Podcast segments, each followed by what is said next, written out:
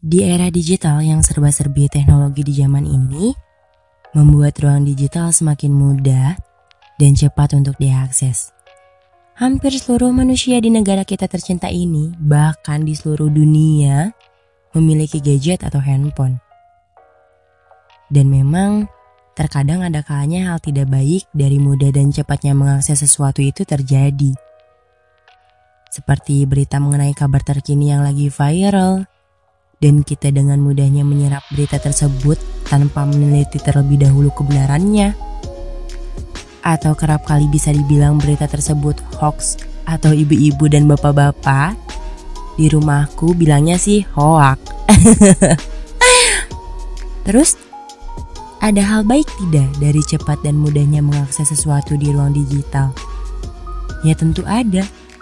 Karena tidak melulu hal tidak baik itu yang akan terus terjadi. Jika ditanya dan mungkin yang aku rasakan sebagai generasi Gen Z milenial, ketika berada di ruang digital, aku jadi bisa melihat toleransi dan saling menghormati antar kepercayaan, seperti ras, suku, bahasa, budaya, dan agama yang belum pernah aku lihat di dunia nyata. Apalagi di perform joget-joget yang sekarang lagi happening banget dan lagi banyak digandrungi dari anak kecil sampai orang tua.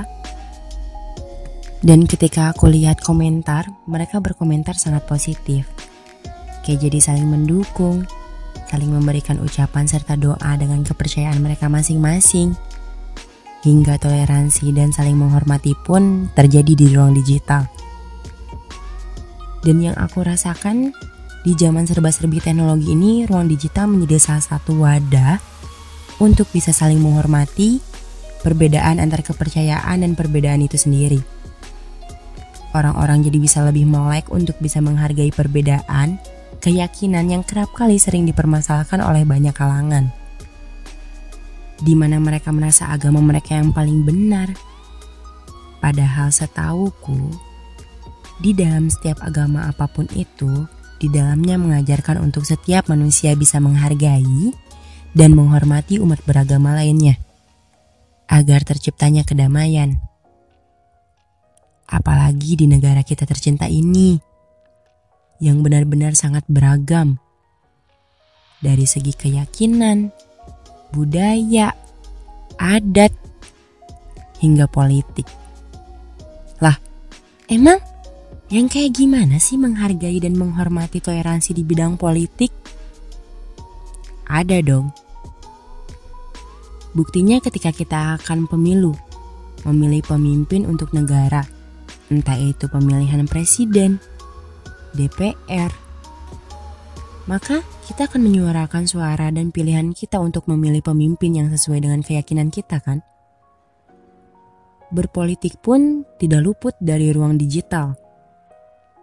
Di mana pada setiap kampanye, banyak yang menyuarakan pilihan mereka masing-masing dan menguploadnya di ruang digital.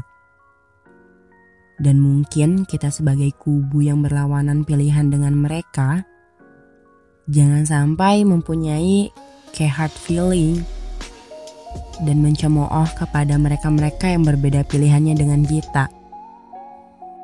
Contoh deh kayak waktu itu ada pemilihan presiden kan? Di keluargaku misalkan nih hanya aku yang memilih pasangan yang A sedangkan keluargaku memilih pasangan yang B. Berbeda pendapat serta keyakinan, bukan? Nah, itulah salah satu yang bisa disebut sebagai toleransi dalam berpolitik. Oleh karena itu, kakak, adik, bahkan kedua orang tuaku tidak bisa melarangku untuk mengikuti pilihan dan keyakinan mereka karena aku mempunyai pilihan dan keyakinanku sendiri.